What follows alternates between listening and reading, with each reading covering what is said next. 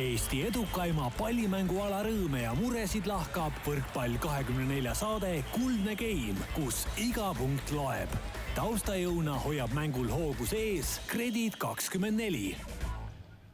tere taas, head võrkpallifanatid ja lihtsalt Rivo Vesiku sõbrad, on kolmapäev, kahekümne üheksas september ja eetrisse läheb taskuhäälingu saate Kuldne Game, seitsmekümne teine osa. ajal, mil Grade kakskümmend neli meistriliigas on selja taha jäänud esimesed mängud, võtavad Manta Maja stuudios meie saate kujuteldaval platsil koha sisse sidemängija Andres Toobal, temporündaja Rivo Vesik, diagonaalründaja Rene Teppan ja vahetusmeeste nurgas kükitav Vannabi nurgaründaja Karin Aldo. tere mehed, kas olete meie meeskonna jaotusega rahul?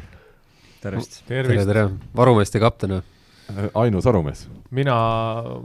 enne saadet, nagu me rääkisime, sa oled kõva libero, ma kuulsin, et sul meil liblikaid hüpata ja värke teha, et sa võiks ikka libero olla. ma võin vees neid eh, liblikaid hüpata, aga platsi peal ma veel seda, ma mängin jalaga, kõik kaitsepallid jalaga, ma üles toon. noh, ega seal suurt vahet ei ole, millega sa üles tood neid palle. aga teinekord ei too ka, vot seal on see jama lihtsalt Rivo, kas sina pead ennast ikkagi tempoks veel või tahaksid sa nüüd neljakümne aastasena juba mõne vähe soliidsema positsiooni peal mängima hakata? Äh, neljakümneselt enam väga ei ole vahet, mis positsiooni sa mängid, kogemust on nii palju, et siin võib kõike mängida. selge, Andres, kui serv on ideaalselt käes, siis kummale meie selles kujuteldavas võistkonnas sa matšpalli tõstaksid, kas Rivole või Renele? teen ise ära. ma arvasin, kusjuures ta tuleb et ikkagi ei ole, ei ole usku, ütleme kaaslastesse, üks hea sidememängija peaks ikka uskuma oma meestesse, ma arvan, natuke rohkem. no ma tõstan siis, kui ei ole hästi käes kui meie läheks neljaksi väljaku peale ja vastas oleks äh, noh, vastasvõistkond on ju, siis ma arvan, et äh, Rene diagonaalründajana toimiks vastupidiselt tähendab, Rene toimiks nagu temporündaja tavavõistkonnas, et ta tõmbaks kõik kolmese ploki endale ja siis Andres laseb, kuhu tahab, et me peaks olema tühjad sinuga. kusjuures jah, ma tahtsingi öelda, et, et kui on ideaalselt serv käes, aga kui meil on väljakul, ütleme, mina olen varus ja, ja ütleme, Rivo on tempo ja Rene on Diago ja sina oled, eks ole, Andres veel side, et kes siis selle servi vastu võtaks, meil võib nagu see et kas siis ikkagi ma tulen vahetusest selle kaika vastuvõtuga väljakule ei. no Vessa, ma arvan, saaks ise hakkama, võtab ära sa? näppudega ära. kahekesi Renega teeme selle ikkagi võtate ära? ikkagi. Rene on ju vana. ära sina tule vana, vana vastuvõtja, nii et aga siit ka, siit ka järgmine asi, Rivo, ma nägin sind eelmisel nädalal oma harrastajatest sõpradega rannavalet terases mängimas, et äh, kuidas sul seal seis on? kas sa seal ka rannavalle trennis, kus te mängite seal viis viie ja seitsme seitsme vastu, et seal sa ka ainult tempona, sa ei tegele vastuvõtuga, ei tegele tõstmisega, ainult sina lööd tempot? Äh, oota, mis sa nüüd nägid? ma mängisin kaks kahe vastu ju. ei, ei, meil oli kolm kolme vastu mängisime, ja, ja, ja ei, seal on, kõik on tempod, seal on ainult sihuke tempomäng käib, et see on lihtsalt õudne. serv on kogu aeg nii hästi käes, jah? serv on kogu aeg käes, jah. servile teete plokki kõik ka. lähevad kõik igale poole, seal on, äh, ütleme sihuke street, et äh, street võrkpall, et reegleid ei ole, ainuke reegel on see, et pall ei tohi kinni püüda. ja et jutt ei tohi seisma jääda mängu ajal, seda ma olen ka aru saanud. seda ei, viga seal ei teki, jah. ja seal on nii, et kui mõni mees ei jõua isegi trenniks kohale, siis saunaks ta jõuab ikka kohale osad tulevadki ainult sauna. aga meil jäi eelmisest saatest üles ka üks äh, võlg, nimelt me rääkisime sellisest toredast USA linnast nagu Mountain View, kus meil on olnud läbi saate ajaloo rohkem kuulajaid kui Valgas, Tabasalus ja Türil. ja me mõtlesime, et huvitav, kes need Mountain View inimesed on, kes meie saadet nii usinalt kuulavad. ja nüüd ma tunnistan päris ausalt, äh, USA linnad ei ole minu tugevaim külg ja ma ei olnud kursis, et Mountain View on üks Silicon Valley suuremaid linnu ja seal on muuhulgas ka Google'i pealkontor, nii et Google'ist kuulavad meid kindlasti kindlasti Larry Page ja Sergei Brin igal nädalal ja nüüd ma vaatasin, viimane nädal meil oli neli kuulajat sealt, et kaks siis mingit, mingit meest ikka kuulavad veel, et äh, ma arvan, et meil need toetajate otsimine, et see võiks nüüd minna puhtalt sinna Mountain View peale jah, võiks kohe siin öelda ära, et las äh, hakkavad üle kandma, et ega siin muud ei olegi. ise vaatavad, mis firma nad sealt saadavad, et. ja, ja meie siis vastuseks meid jätkuvalt Google'ist otsida, et me pakuks nagu seda varianti, et, et me ei, me oleme rõõmsad. guugeldage. kuigi neti.ee on jätkuvalt minu lemmik otsimisportaal aga kas nemad ei taha tulla meil toetajaks? et lähed neti, neti.ee, siis paned sealt Google otsingusse. Leiad Google'i lehe ja siis otsid sealt edasi. väga hea, aga soojendus tänasele saatele on tehtud, läheme tõsiste teemade juurde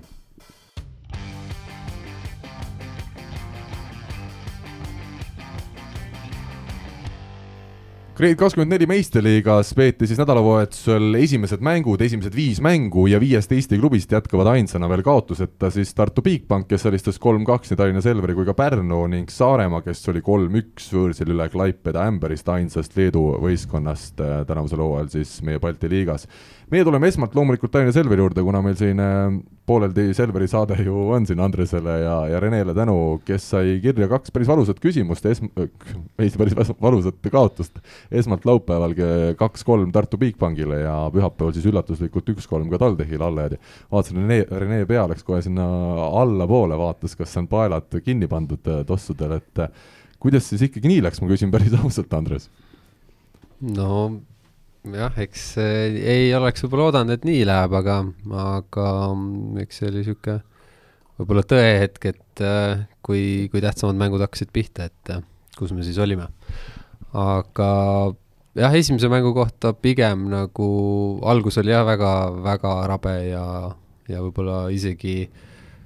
tulime sellega toime, et me tulime mängu tagasi ja see oli nagu kindlasti väga-väga suur pluss. muidugi see. saite punktiga kätte jah, saime punkti kätte, aga, aga see, kuidas me muidugi viiendasse game'i vastu läksime uuesti, millise emotsiooniga oleks võinud minna, aga, aga kuidas me ise selle, selle kohe esimese paari punktiga niimoodi vastasele tagasi andsime, sellest on, on, on väga kahju. ja noh, see oli selge, et ega Tartu vastu võib-olla noh, ei, oli, oli teada, et me oleme võib-olla suhteliselt võrdsed, siis, siis pühapäeval jah suutsime ise olla küllaltki närvilised edasi. Ja, ja ega sealt nagu väga, väga ilust asja ei tulnudki. äh, ma küsin enne, kui ma Rene juurde tulen, Rivo, sina, kas sa kõrvalt jõudsid vaadata meistriliiga mänge ja, ja millise mulje sulle need jätsid? jah, vaatasin kõiki mänge, mis äh, põhimõtteliselt üle kanti vaatasin ja Pärnus käisin isegi saalis vaatamas mängu. no kui me Selverist äh, kõigepealt räägime Selveri mäng äh, Tartu vastu, mis minul jäi silma, oli see, et äh, hetkel täna ei olnud nagu Selveril väljakul ühtegi liidrit, ühtegi meest, kes võtaks nagu enda peale mängu, et kui nagu raskeks, kui Andrus Naadik tuli sisse, siis korra nagu tekkis see hetk. Tartu mängust siis, eks ole, seal lõpupoole. ma räägin jah, et korra nagu tekkis see hetk, et äh, oli või oli väljakul reaalselt mees kes suutis nagu võtta enda peale mängu, suutis maha rahustada, natukene üles kütta, kui vaja, et suutis nagu olla see juht seal väljaku peal. Ehm, teine asi, mis ma panin tähele, on, ma arvan, et tänu sellele, et on nüüd Rene Teppan on ju tulnud, Raadik, Kollo, siis Oliver Orav, kes tegelikult on eelmised aastad olnud just see mees, kes nagu võiks vedada ja kes võiks tänagi olla vedaja ja kes täna võiks aidata ta kuidagi täiesti, no mitte teistmoodi mängima hakata, kuidagi nagu hästi tagasihoidlik praegu või ma, tele, tele vahendusel jäi selline mulje. et ei ole see Oliver Orav, kes oli eelmine aasta, kes võib-olla tundis, et tema on nagu nüüd see mees, on ju. Aga miskit on nagu teistmoodi seal. Äh, Rene, esimesed muljed sinu poolt nende kahe mängu kokkuvõtteks, sa siis ise käisid servimas kahe mängu peale kaksteist korda, aga nii-öelda põhiülesannetes ehk diagonaalina sa ei, ei tegutsenud. Nojah, mingid asjad siin mõlema mehe poolt nagu sai, said juba räägitud ja vastu on nagu raske vaielda, et, et jaa, see Tartu mäng, ma ei arva, et see selles mõttes midagi nagu, midagi seal nagu untsu läks, et jah, see viies game tõesti oli selline, nagu ta oli, aga see, et me Tartu käest kotti saime, noh, ei saanud haledalt esiteks, teiseks mingil määral seal ikkagi mingi mäng tekkis vahepeal ja, ja, ja Tartu käest noh, punkt okei okay,, et polnud probleemi, aga mis mind ka võib-olla üllatas, oli see nagu järgmise järgmisele päevale, järgmisele mängule minek, et see TTÜ vastu ei oleks tõesti oodanud, et et me ikkagi ei tegutse nii kindlalt, kui, kui nagu võiks loota, et, et, et noh, nagu ma mainisin, siis Selver just tegelikult, või tähendab, vabandust, Tartu vastu tegelikult ju mingisugune mingisugune asi hakkas seal juba jooksma ja toimima, et, et oleks nagu loogiline, et see tuleb järgmisse päeva kaasa, aga, aga ta ei tulnud jah, et selles mõttes TTÜ kindlasti võib-olla tunnetas seal, et juba sealt esimese game'i keskpaigast, et võib täna täitsa võib mängida, et et see on selline asi, mida sa ei tohi vastasele anda, siis läheb kõigi vastu raskeks, et äh, võitlesid innuga ja, ja üldse mitte halvustamise pärast, aga hetkel ma viskan niisuguse veksli välja, et võib-olla tegid oma hooaja parim mängu ära üks küsimus äh, selline, et kas äh,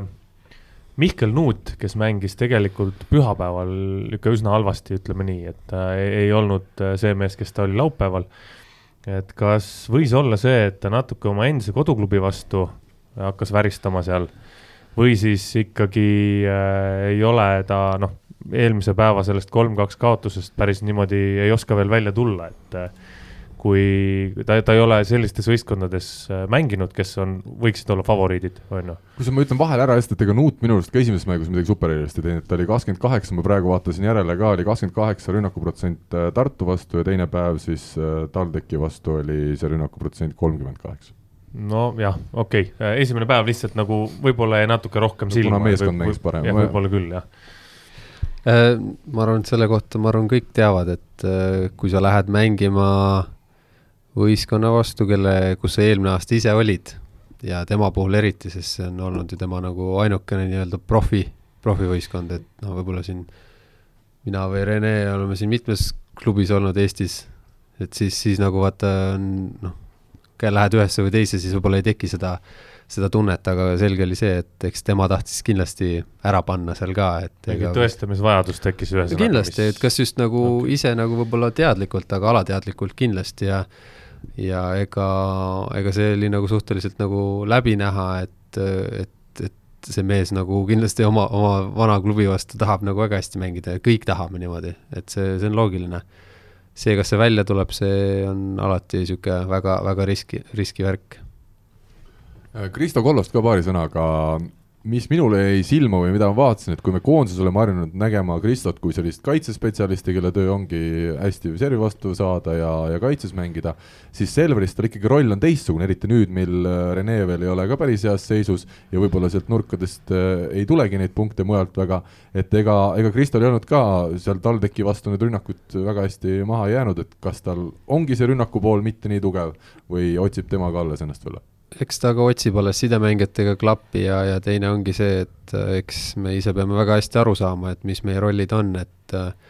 et võib-olla tema tunnetas siis seda mängus, et äh, seda vastutuse poolt, et kui keegi teine ära ei löönud, et siis peab hakkama tema ära lööma, et et see on jälle üks, üks nüüd nagu mõtlemiskoht, et kas seda on vaja siin nii-öelda treenerite poole peale ja mängijate poole peale kõigile, et et kes siis on see vastutav, et äh, et neid palle, kas, kas peab hakkama nii-öelda kaitsespets neid äh, palle ära nagu lööma, et see, see on nüüd omaette küsimus, aga aga loomulikult ta üritas sealtpoolt aidata, see oli selge, et ta võttis, noh, oligi näha, et äh, siin täna, kui rääkida, siis, siis ta ütles, et mõned, mõned kohad on, on selgelt valusamad äh, kui tavaliselt, sellepärast et ega ta väga palju pole harjunud, et ta kolmkümmend tõstet saab see on mängus, et see, see on, see on jälle omaette küsimus meile. Enne kui me tuleme Tallinna Tehnikaülikooli juurde, siis ma küsiksin nii, et kas seda väsimust oli näha meeskonna sees ka, et meil ikkagi ju kõik meeskonnad mängisid siin nädalavahetusel, kui ma nüüd õigesti mäletan, seitse kuni kümme geimi kahe päevaga, et kas need teised mängud paljuski sõltusid sellest juba, et kes kui palju jõudis ja kellel kui palju vahetusest mehi võtta oli? ma ei tea, siin hooaja alguses ma arvan, niisugune no neid energiavarusid siin võib-olla veel on, et äh, võib-olla küll on, ei ole päris välja tuldud äh, sellest äh, füüsilise poole pealt, aga, aga eks need omamoodi esimesed mängud on niisugused, see tuleb selle nii-öelda tuhhi pealt ka, et, et kõik on nagu valmis ja ma ei usu küll, et me, me oleks füüsiliselt olnud nüüd mitte nii valmis mängima, kuna viis game'i oli all, et me selle taha kindlasti ei paneks, et pigem oli seal see mentaalne pool. Ei no siin oli tegelikult ju kõikidest mängudest, mis, mis, mida vähemalt mina vaatasin, oli näha seda, et hetkel ei olnud ükski võistkond selline, kes võiks käe üles tõsta ja öelda, et jah, hurraa, et me mängisime väga hästi, et kõikide, kõik võistkonnad olid üsna, üsna ikkagi sihuke hooajaeelselt või algusele omaselt väga rabedad, et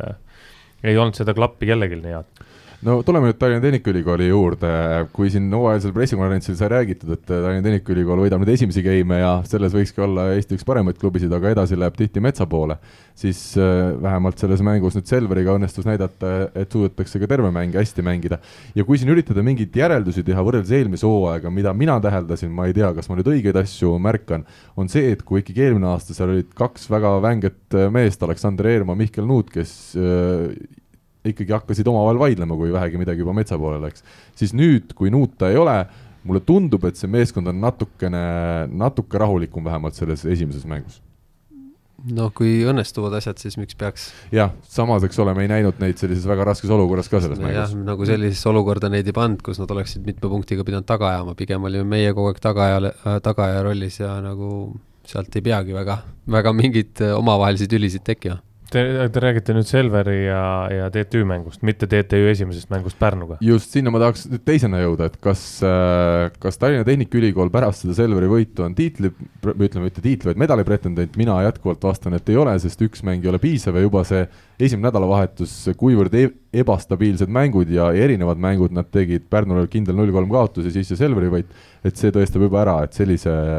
selline ebastabiilsus ikkagi näitab, et nad ei ole päris meie nelja parema klubi tasandil või tasemel? Äh, noh, siin on puhtalt küsimus selles, et kui pikalt suudab Kordas äh, mängida seda diagonaalpositsiooni, eks ta kindlasti harjub rohkem, läheb natuke paremaks, kui pikalt ta reaalselt suudab mängida, nii palju ta tõsteid sai, ta sai ikkagi. teises mängus sai viiskümmend seitse tõstet. noh, jah, et kaua, kui palju sa suudad viis, viitekümmet seitse tõstet lüüa, viitekümmet seitse tõstet, esimest mängu ma vaatasin, äh, päris ausalt ütlen, esimeses mängus oli TT-üstlus mingi hetk oli kahju. et ikka väljakul oli täielik kaos mingitel hetkedel ja isegi siis, kui seis oli kolmandas game'is äkki neliteist, neli, kaksteist või mis see neliteist, kolmteist, midagi sellist. Äh, läksin ise saalist ära ja ema jäi vaatama, ema küsis, et kus sa lähed, siis ma ütlesin, et no sellise mängupildiga ei tule siit midagi ja see game lõppes kakskümmend viis, üheksateist Pärnule. et äh, noh, väga-väga ebastabiilne ja siin ongi küsimus selles, kui palju suudab kordas lüüa, üks hea, väga sihuke üllatav moment minu jaoks oli Mihkel Tanila nurgaründajana kas oli hea, jah? see oli päris okei okay,, jah, ma ootasin hullemat. Nagu tempo meelest. no ikka Serju vastutul ta ise ka tunnistab, et ta jääb ikka hätta veel mängudes oh,. ei olnud nii hull, ei olnud nagu nii hull, et teda küll seal otseselt ei otsitud ka väga, aga, aga ei olnud kõige hullem. No võtame selle Kordase teema, esiteks Marko Mett viskas pärast ülekande lõppu, kui TalTech oli Selveri võitnud, üles äh, küsimuse, et kas üldse on vaja välismaalt seda diagonaali tuua et saavad ju oma mehed ka hakkama, aga kui me ikkagi jälle jätkuvalt räägime sellest, et nelja paremaga siin Eestis võidelda, siis ma arvan, et see on ainu, ainuõige samm, et et see Kordas seal üksi ei pea vastu ja, ja nurgad ikkagi piisavalt palju appi ei tule ju. No ma saan aru, et Kordas on, ongi nagu nurgaründaja, et kui sa tood diagonaali, siis Kordas ikkagi jääb väljakule, et see annab nagu lisakäigu ka sinna juurde, on ju, et selles plaanis kindlasti, teiseks niimoodi tulla ühe positsiooni pealt teisele, jah, okei okay,, meie vastu ta tõi seal palju punkte, kui nüüd videot vaadata, ilmselt siis ta oleks poole vähem pidanud juba tooma, kui nüüd päris aus olla. miks siis, kas te ise kehvasti kaitsite oma vastu? no meie taktikaline pool lagunes kokku, ma arvan, selle esimese game'i keskel juba, ma ei usu, et seal keegi väga midagi enam suutis nii-öelda jälgida, mida räägiti või, või, või mis toimus, et seal oli juba seda värinat ja oma asja, asja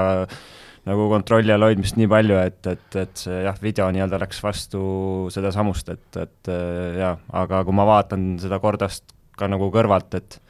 et need liigutused ja asjad, noh, ütleme ikkagi tegelikult on päris kandiline, selles mõttes. On näha, et ta ei ole nagu puhas diagonaalründaja, see pealeminek ja kõik see on selles mõttes, ei ole nagu tüüpiline diagonaal aga ütleme, Kordast nii palju ikkagi tuleb kiita, et, et ta hästi mängis äh, hea võistkonna vastu ja minu arust see hüpe, mis on Kordasel, noh, seal ütleme, Orav teisel pool võrku tundus midagi sarnast, aga, aga Kordas lendab meeletult ja ja ütleme, rünnakul on teda ilmselt ka nurgas keeruline peatada. no eks ikka jah, et selles mõttes, et ega ta ju on ta on nagu hüppab hästi ja, ja, ja lööb tugevalt ja, ja kõik siuksed asjad, et ja tal meie mängus ei tekkinud ka sellist asja, et kui ta oleks vea teinud, siis tal oleks kuidagi selline järje, järjepanu neid vigu tulnud, et äh, suutis ennast kohe mobiliseerida ja, ja meie nii-öelda vead kohe ära kasutada, et äh, kui me ei olnud õigetes kohtades kaitses ja plokis, et et see näitas seda, et see päev oli tal, oli tal tõesti hea ja nägi, nägi võimalust ja kasutas ära. Üks kurb asi, mida siin äh, ütleme selle Tallinnas peetud mängude kokkuvõtteks veel öelda, esimene mäng, ma eeldasin, et Selver Tartu toob publiku saali aga oli sada pealtvaatajat, teine mäng Tallinna Tehnikaülikool Selver oli sada kakskümmend pealtvaatajat, et need numbrid on, on kurvastavalt äh, väikesed, äh, mitu korda väikesemad, kui, kui mina arvasin. oskad sa, ma ei tea, Andres või, või Rivo, keegi midagi öelda, et, et miks see nii on, kas siis reklaami absoluutselt ei tehtud selle koroona pärast, inimestel ei ole huvi, oli seal ilus nädalavahetus, hea ilm, sellepärast ei tuldud kohale või millest neid, äh, neid põhjuseid otsida võiks? Eks praegult on vaata inimesed natuke võib-olla segaduses ka, aga minu teada näiteks mingi number käidi välja, et Audentesesse üle kahesaja neljakümne üldse ei tohigi jah, kuna tohi. pool võib olla ja. maksimaalselt täis, jah. et siis, siis lõppkokkuvõttes ongi, et ma arvan, esimese hooga siin inimesed võib-olla vaatavad, mis, mis üldse toimub, et äh, ei ronita kohale ja, ja ja võib-olla vaikselt hakatakse tulema, see on mu, mu lootus, noh, ei, ei oska ka muud midagi öelda eks see ilm oli ka, ilmafaktor oli kindlasti, et äh, viimased ilusad ilmad siin sügisel veel ja inimesed tulid seenele igal pool mujal ka. aga eks need inimesed peab saali kuidagi tooma, et äh, oodata, et nad ise tulevad, et seda, see on minu arust väga naiivne ja see on olnud siin viimased aastad probleem, et nad, sa pead nad kuidagi tooma. kuidas, mis see on, selle peab igaüks välja mõtlema ise, et mis see neid sinna meenutab, Pärnus oli päris korralikult rahvast, kui nüüd päris aus olla, et et seal ikka, ikka tundus, et oli. Rene, ma küsin sinu käest, kuna sa oled mänginud siin viimastel aastatel ikkagi väga suurte publiku numbrite ees, kas üldse tekkis sellist mängutunnet, kui sa kasvõi seal Servimaa tulid vahetuses kaasmängust? Ikka tekkis jah, loomulikult võiks neid inimesi kõvasti rohkem seal olla, aga noh, oleme ausad, kui me räägime seal ütleme, välismaal, kus ma olen mänginud, saalide vahe rahva, nagu selles mahutavuse mõttes on ka ikkagi tunduvalt suurem seal, et et, et jah, kuskil Atlas Arenal viisteist tuhat on natuke teine asi küll, aga, aga aga, aga noh, midagi teha ei ole, on, on meil jah, sellised ajad praegu ja, ja noh, võib-olla tõesti see ilm ja, ja ja samamoodi see äraootav seisukoht natukene, natukene jah, mängivad siin hetkel rolli paraku äh, mul tuleb sellega seoses tuli meelde, et kas, mis, kas see oli Belhatov, kes käskis sul teha oma Instagrami konto, et sa muidu väga suur sotsiaalme-, sotsiaalmeedia mees ei ole, aga siis seal käid ikkagi välja, et kui sa meil mängid, siis sul peab olema Instagrami konto, sest meie fännid tahavad jälgida kõiki ja siis sa tegid selle Instagrami konto ja minu arust sa siiamaani ei ole sinna ühtegi pilti ega story't ega mitte midagi pannud, on nii? Midagi sellist tõesti oli. Ja eks ma saan iga aasta sellega puid alla. Jah, mis ma tahtsin ka tegelikult öelda, et Rivo siin tõi välja, et iga klubi peaks nagu ise muretsema selle pärast, et see rahvas sinna saali saada, noh, ma olen näinud kaks aastat jutti, kuidas seda tehakse, et mida meil siin paraku ei ole, on marketing, oleme ausad, noh, kuidas me seal seda asja ajasime, see oli ebareaalne ja tegelikult mulle isiklikult kui sellisele nii-öelda ene-, e-, e-, omaette hoidjale oli nagu päris tüütu iga päev, mitte iga päev, vaid ütleme siis iga nädal sadu särke nii-öelda sainida, käia kuskil raadiotes, käia kus iganes, et selles mõttes see on ülivajalik ja ülitähtis. ja kui palju seal pandi rõhku sellele, noh, kohati tundus isegi Belhatovis, et marketing on tähtsam kui mängu tulemus, et ei no tegelikult nii ongi ju, maailma tippsport, kui me vaatame ka teisi alasid, on läinud nii äh, raha tähtsaks alaks, et äh, see ongi kohati tähtsam, on see, et sul ostetakse särki, et sul käidaks mängudel ja tehtaks kõike muud sellega seoses, äh, et kui see tulemus ka tuleb, on hästi, aga niikaua, kui me ikkagi müüme kõike ja meil on finants on plussis, siis on, ollaksegi rahul. nojah, näide kuskil toodi välja, et seesama BGE, see energeetikatehas, mis, kompanii, mis seal Poolas on, mis on ka Belhatovi peasponsor olnud aastaid, ma ei tea, kakskümmend vähemalt võib-olla, et see marketing kuidagi, ma ei tea, kust see arv võetakse, aga läbi Belhatovi tõi kakskümmend miljonit slotti neile sisse näiteks, et ma, ma, ma ütlen, ma ei tea, kuidas see, kuidas seda kokku lüüakse, aga, aga noh, ütleme, sport on äri, noh, midagi teha ei ole ja, ja ollak-, peab olema pildis igapäevaselt. seesamune Instagram, need story'd, mis iganes, sa pead inimestele kuidagi lähemale ennast tooma see on vana teema juba, sellest ma olen pikalt rääkinud, et äh, Eesti mängijad võiks ja peaks hakkama ka lõpuks aru saama, et kust kohast tuleb nende palk. see ei tule päris, äh, ma ei tea, kuskilt seina seest, et, äh, et selle jaoks tuleks omalt poolt ka teha võimalikult palju tööd ja võimalikult palju toetada klubi, et kui sul klubi ütleb, et kuulge, mehed, et nüüd oleks vaja, ma ei tea, minna kuhugile Selverisse mingeid flaikusid jagama. no ei, mina, me, me keegi ei taha minna sinna aga kui palgapäev on, siis küsitakse kohe, kuule oot-oot-oot, et millal ma saan, eks ju. et see on vana, see on vana teema, seda on arutatud ja räägitud pikalt, aga selles suhtes Rene ütleb õigesti, et see ei ole nagu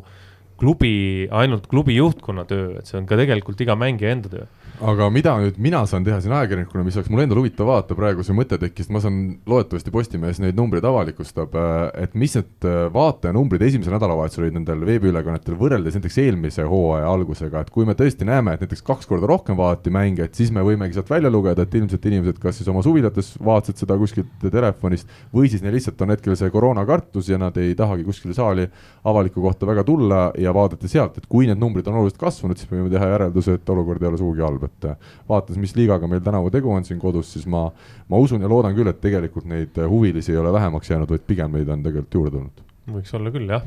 Ma tahaks ühe näite veel tuua selle marketingi osas, et võib-olla siin Eestis ikkagi on mingi selline arvamus, et oh, mis meie ja oh, jälle mõeldakse lisaväljaminek ja nii edasi, et äh, lihtne näide, põhimõtteliselt oli Trentino Valles oli selline asi, et üks mees oma iPhone'iga tegi kõik selle asja ära, see ei tähenda seda, et sa pead, ma ei tea, kümneid tuhandeid või kuskile alla panema, et seda asja saab tegelikult tegelikult äh, üsna, mitte küll lihtsa vaevaga, aga on täiesti tehtav äh, selliste piiratud vahenditega ja lihtsalt äh, hakkamist on vaja. jaa, minu arust näiteks sotsiaalmeedia hea tegemine, nagu sa siin vist selle näite tõidki, et seda on väga lihtne teha, et sul peab olema natukene sellist kreatiivsust ja, ja tahtmist ja soovi, et teha väga ägedaid näiteks videoid kuskilt trennist, kus keegi servib või või kui kiiresti servib või kuidas keegi pärast trenni lööb teisele mehele plaksu ja ütleb kaamerasse kaks sõna, et see annab nii palju juurde sellele klubi nagu üldmuljele ja aitab neid mängijaid tutvustada ka siis Eesti võrkpallisõpradele, et loodetavasti sinna suunda minnakse. Me oleme näinud, et siin Katariina Selveri võttis Gert Rangi omale mänedžeriks, et natukene ka seda poolt loodetavasti parandada, saarlased niikuinii teevad selle kallal tugevat tööd, neile ei saa nagu ette midagi heita ja ja, ja kindlasti Pärnu ja Tartu võiksid ka natukene juurde panna ja, ja loodetavasti need vahendid ja võimalused ja, ja huvi ja, ja mõtted tekivad lihtsalt jah, eks see ei ole kõikide, võiks olla kõikide selline ühine huvi, et liiga poolt võiks tulla ka mingisuguseid otsuseid ja mingisuguseid ettepanekuid, et mida nüüd need klubid võiksid siis teha et see marketingi plaan võiks olla suures mõistes nagu, saaks alguse liigast, kus liiga siis annab klubidele ette juhised, et neid, neid, neid asju võiks teha. Neid peaks tegema nii palju, kui seda võimalik on, on ju. ja siis klubide siseselt omaette marketingi plaan, et kunagi ütles ütles mul üks sõber, kes on suur super turundusjuht, ütles väga hea lause selle marketingi kohta, et marketing on selline asi, et, et kui sa oled pimedas ruumis, kus on hästi palju inimesi ja sinul on hästi ilus naine, siis äh, kui sa tuld põlema ei pane, siis tead ainult sina, et sul on hästi ilus naine. keegi teine seda ei näe. et see marketing ongi see, et tuleb natukene tuld põlema panna, et siis teised saavad ka aru, et sul on tegelikult äge ja hea asi. Läheme edasi, Tartu Bigbankist võime rääkida ka mõned sõnad kui me räägime õnnestujatest nädalavahetusel, siis ma usun, et Tartut õnnestuks kindlasti lugeda ju võiks kaks võitu kohe lähikonkurentidele, mõlemad siis kolm-kaks tulemusega. kui esimeses mängus Selveri vastu lasti kaks-null edu käest ja lõpuks viiendas game'is kallutati mäng enda kasuks, siis Pärnu vastu vastupidiselt tuldi null-kaks kaotusse just välja ja väga kindlalt kolm järgnevat game'i võideti Tartu poolel, mis mul jäi võib-olla esiteks natuke negatiivses pooles silma, et Siim Põlluäär ikkagi ei ole veel väga heas vormis, et kui ta veel Selveri vastu esimestes game'ides oli enam-vähem, siis lõpus vajus täiesti ära ja, ja teises mängus äh, ütleme, võeti juba seal poole mängu pealt pingile, et äh, Siimul läheb ilmselt aega, kui ta, kui ta vormi jõuab. muidugi ei ole kõige noorem mees enam, et saab näha, kui heasse vormi ta üldse jõuab siin hooaja keskel jah, ma võin siin rääkida paari sõnaga, jah, ütleme, aeg on tema puhul kindlasti märksõna, et noh, peame ikkagi aru saama, et see ei ole tavaline hooaeg ka päris, et et, et ikkagi viis kuud vähemalt on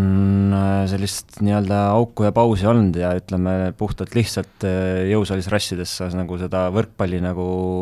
toonust ja vormi ei hoia, et et Siim kindlasti on selline ütleme siis raske kondiga maakeeli öeldes mängumees, et, et äh, tal lihtsalt tõesti noh, läheb aega, et äh, tegelikult me ju oma võistkonnas näeme, Andrus Raadik on samasuguse keha ehitusega, võib-olla veel natukene isegi turskam kutt, et noh, see lihtsalt äh, aeg annab, annab selle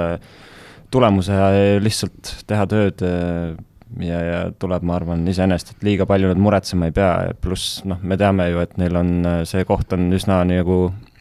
hästi täidetud, et nad saavad vajadusel liigutada seal neid mängijaid, et ma arvan, et muretsemiseks neil eriti põhjust hetkel ei ole aga kuhu kolmik, Märt Tammearu, Stefan Kaibald ja Albert Hurt minu arust jätsid hea mulje, kes siis on need nurgamehed, kes vajadusel ka võivad seal diagonaalis Siimu välja aidata, et et paljuski tänu nendele need pallid maha jäid ja, ja võidud tulid, olete te nõus minuga? no ega jah, nagu siin juba sai varasemalt mainitud, ega Tartu äh, suhteliselt elabki nende peal seal nurgast, et nii palju, kui, kui nad vastuvõtuga suudavad temposid äh, sisse tuua, see on nagu siis lihtsalt veel boonus, aga ega põhiliselt nad seal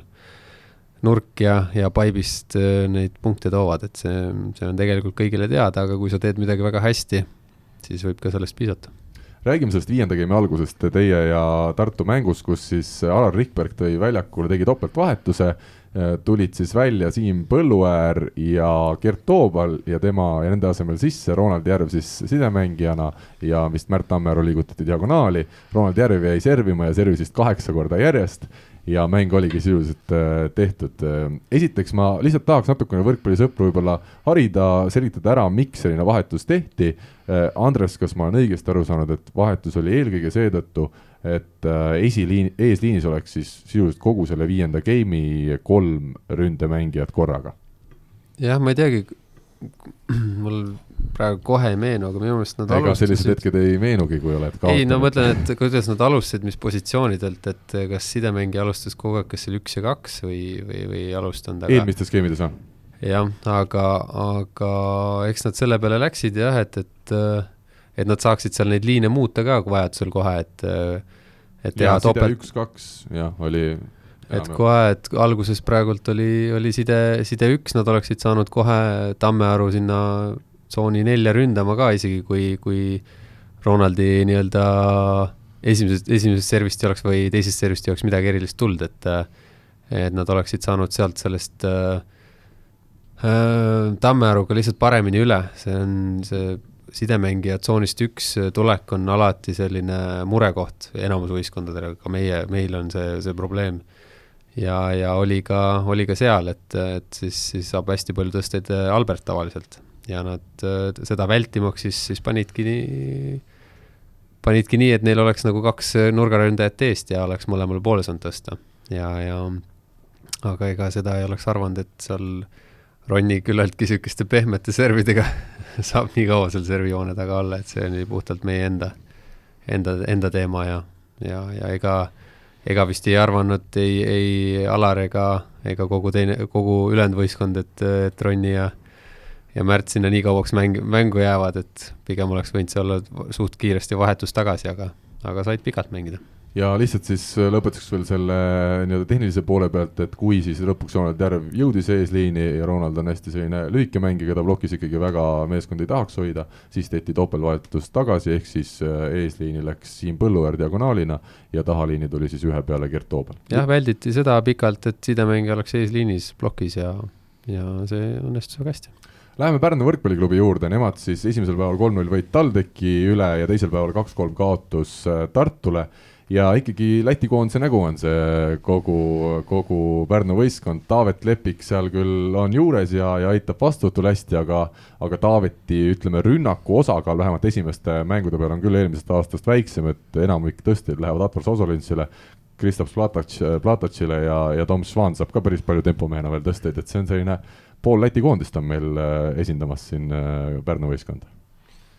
Rivo, sina olid kohal, sa küll läksid ära varem ma läksin siis nagu selliselt tehtud mäng, siis ei vaadata midagi. oleks võinud su ema, ema täna kutsuda saatesse, tema oleks saanud meil mängu lõpuni kirjeldada. Äh, jah, hästi palju said need lätlased tööd seal ja. no mängisid hästi? selle mängu koha pealt ei oska ma mitte midagi öelda, sest TTÜ seal väga midagi vastu ei pannud, et äh, nagu ma ütlesin, oli vastastel enamus ajast kaos. Pärnu, mis mulle jäi silma, et nad nagu, Marti otsis hästi palju plataks, et meil tundus nagu, et hästi palju tahtis sinna ühe peale tõsta. millegipärast. Osolins ja Plataks said sisuliselt sama palju tõsteid siin kahe mängu peale, kuuskümmend seitse, kuuskümmend kolm. noh, nende puhul on üks asi, et nad on praegu ilmselt ka kõikidest kõige paremas vormis, peaksidki olema, on ju, et kus, kuidas neil edasi läheb, millal see langus tuleb, mis sealt edasi saab, et äh, see on pigem küsimus. Pärnu võistkonna puhul äh, Lasest mängisid okeilt, jah, aga Pärnu võistkonna puhul minu jaoks kõige suurem küsimus on see, et kes tuleb neil vahetusest, kui midagi juhtuma hakkab?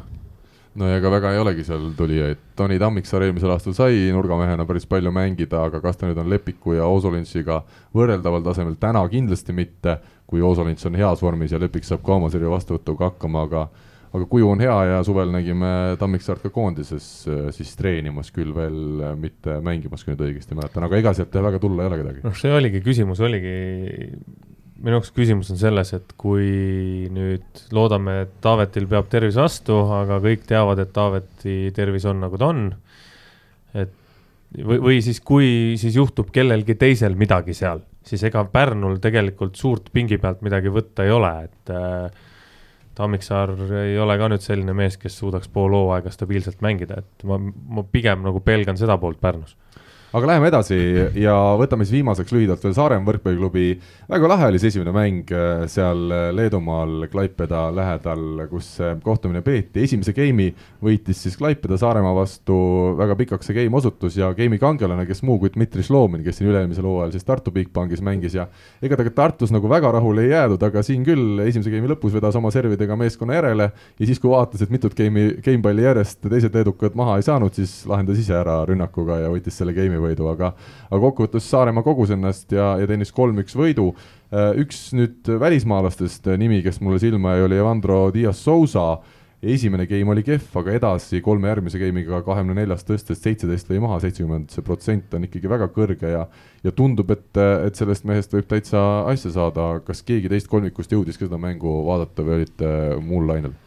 Ei jõudnud jah, ma mõne punkti nägin alguse esimesest game'ist, aga, aga see oli ka kõik, sest me hakkasime ise valmistuma Tartu vastu see hetk, et kahjuks ei näinud jah, ma natuke statistikat vaatasin seal, mis väike üllatus oli võib-olla seal statistika järgi tundus, ma ei tea, mis täpselt oli, aga et Keit oli vist ära, ära kukkunud ja Tamme vist läks tema asemel. et seda ja, ja noh, natukene nagu oli oodata, et et siin see sidemängijate see sihuke vahetus on, on olnud siin sihuke tavaks ja et siukseid äh, mingeid nüansse on sealt näha, aga, aga eks äh, jah, tahaks seda pilti isegi näha, et siin saab, saab kõvasti vaadata neid mänge, et äh, ja analüüsida, aga et veel ei ole jõudnud aga ma saan aru, et leedukatel on kusjuures veel üks või kaks meest puudu, kes põhimehed peaksid tulema, et tegelikult see Klaipeda läheb veel paremaks ja kas täiesti võimalik, et nad pakuvad konkurentsi siin ka meie parematele? No Edaspidi. oleme ausad, et tegelikult äh, loomulikult nende vastu on raske võõrsil mängida, noh, sest see reis sinna on ikka maru-maru-maru pikk. ja, ja noh, see võtab juba oma, oma leveli nagu ära, et, et aga, aga noh, samamoodi neil ilmselt saab raske olema, kui nad jõuavad kunagi siia Eestisse, et, et see, see on see nagu ülisuur faktor, ma usun, nende puhul, et, et ma ei ole küll jah, ka näinud neid, aga võib-olla on selline tuhhi meeskond, nagu näiteks TTÜ, on ju, et et kui sa lased neil minna, siis, siis nad lähevadki, on ju, et, et aga jah, ma jah, ka rohkem hetkel ei oska öelda, ei ole mängupilti näinud. Aga vaadates ka seda ülekannet sealt äh, Klaipedast, see oli ikkagi huvitav, kuidas äh, need saalid, kus mängitakse, on siin Eestist paarkümmend aastat maas, niisugune vanaaegne saal, kus siis kaameragi oli sisuliselt seal antenni vastas juba, et, äh, et ega sealt nagu terve väljak ei jäänud mingil, mingil hetkel peale, et et huvitavalt tehakse, aga, aga vähemalt see esmamulje leedulastest on küll hea, et nad sobivad siia liigasse. Leedu, kusjuures Leedu võrkpall on siin viimasel ajal ikka vaikselt tiksunud ülespoole ka, et neil osad, mingid mehed mängivad isegi välismaal kuskil ja ja, ja midagi sealt ikka tuleb, noh, klubi, selle klubi kohta ma muud ei oska öelda, kui et see, nagu sa ütlesid, selle nimi on Klaipeda ämber. ämber, et see kõikidele kuulajatele ei ole mitte pang, vaid see on merevaik ja, ja väga hästi, Juveeli vist mingi ja. äh, pakkuja on see, see ettevõte, kes seda Klaipeda värki toetab, nii et ma usun, et saarlased tulid ilusad kaege ka,, kaelakeed ja, ja sellised sõrmused tagasi sealt äh, võidu järel. aga mis ma ise arvan, et nad igal juhul äh, sellega, et kadus ära Limbaši, kes siis liitus, Limbaši paremad, kes liitusid RTU-ga, siis siis läks praegu üks võistkond justkui Äh, Lätis tugevamaks ja, ja ma arvan, et see Leedu võistkond on ikkagi tunduvalt tugevam kui, kui need, ütleme, kaks äh, kehvemat äh, lätlast olid, et et selles mõttes ma arvan, nende liikumine siia tugevdas seda liigat, kui, kui see, et meil oleks võib-olla olnud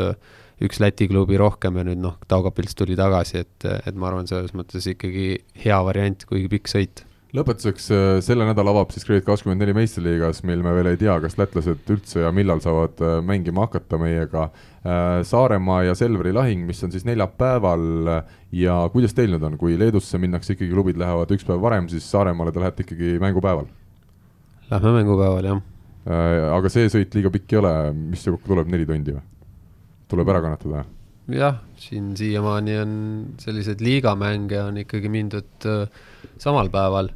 et tegelikult me jõuame ilusti ka hommiku väikse trenni teha ja, ja minna, et selles mõttes ei olegi üldse mingit äh, nagu probleemi äh,. eelmisel aastal jah, siis kui oli karika juba tähtsad mängud, siis äh,, siis äh,, siis on lootust, et minnakse päev varem, aga, aga liigamängud üleüldiselt äh, mitte jah. Rene, mahud sa seal Selveri bussis oma jalgu sirgeks panema ja, isegi pikali visata? Tead, üllataval kombel mingid asjad Eestis on ikka väga vägevad, nagu näiteks meie buss, et nii, meil on väga suur ja mõnus ja korralik buss jah, istume seal ja, ja kuna meil ei ole see nii-öelda staff siin võistkonnas ka liiga suur, siis see koosneb enamasti jah, paarist staffi liikmest ja mängijad, et, et meil on seal ruumi küll ja veel, et äh, kõvasti mugavam ka kui näiteks kuskil jah, Poolas, Itaalias, kus sul ongi, no sul on lihtsalt ütleme kümme staffi liiget seal bussis, noh, et äh, see juba lükkab, lükkab selle täis, et istusime kohati näiteks kõrvuti noh, bussis, Itaalias oli niimoodi näiteks, et kas lennukiga ei oleks mõttekam minna Saaremaale? ei mahu kõik peale, ei mahugi või? ah, võib-olla küll jah, see on nii sinna vist läheb, ma ei tea. ei, kusjuures ei sinna lähe ei, kümmet sinna ei lähe, ei läheb ikka, läheb rohkem, aga sinna võib-olla jah, ei lähe, ei ikka kaheksateist äkki või? Aga minu arust, kui me räägime sellest, et teil pandi bussi staffi liikmed, kõik need äh, taustajõud, et need saab ju panna sinna alla, kus need kotid on, et seal ikka ruumi on. koti sisse ka või noh, näiteks mõni mees kotti ja mõni mees sinna koti peale mm.. mm? -hmm. jah, sinna või, või no oleme ausad, ega meil oli seal mingi kakskümmend klubi autot ka maja ees, et noh, oleks siis võinud nendega minna, et et võib-olla jah, pikemad reisid okei okay,, noh, tulge siis, aga, aga kuidagi, kuidagi jah, et ütleme, see pool oli natuke imelik minu jaoks ka, et äh, ikkagi meie olime, olime mängijad, küll me läksime jah, päev varem kohale ja nii edasi, aga aga ütleme, bussis jah, tõesti laiata ei saanud, see oli niisugune üsna ebamugav tegevus. ma räägin ühe põneva loo bussi kohta. räägi. kunagi juhtus üks selline huvitav lugu, sõitsime Selveriga Riiga, Audentes oli vist siis. ja kohe peale piiri on seal mingi bensiinijaam, ma ei mäleta, mis see bensiinijaama nimi on. Läti pool siis äh, järsku bussijuht tõmbas sinna bensiinijaama sisse ja, ja Avo vist oli treener meil, Avo küsis, et noh, mis, et kütust vaja võtta või midagi, teeme mingi väikse pausi või, siis buss ütles ei, ei mul sai ketas täis. mis kuradi ketas, sõiduketas, et ma tegin öösel altuurat et ma pean nüüd seisma poolteist tundi, poolteist tundi, et meil mäng on, meil on aja peale minek. ei, ma ei saa sõita, et sorry mehed. Ja mis oli sai? vist Aavo oli püha viha täis, leppisid siis kokku, et nelikümmend viis minutit seisad ja siis sõidad nii kaugele, kui saad, et siis vaatame ise edasi. aga õnneks vist siis vedas selle kettaga sinna kuskile saali juurde ikkagi välja, et olid ajad, olid küll. aga meil on aeg võtta ette järgmine teema.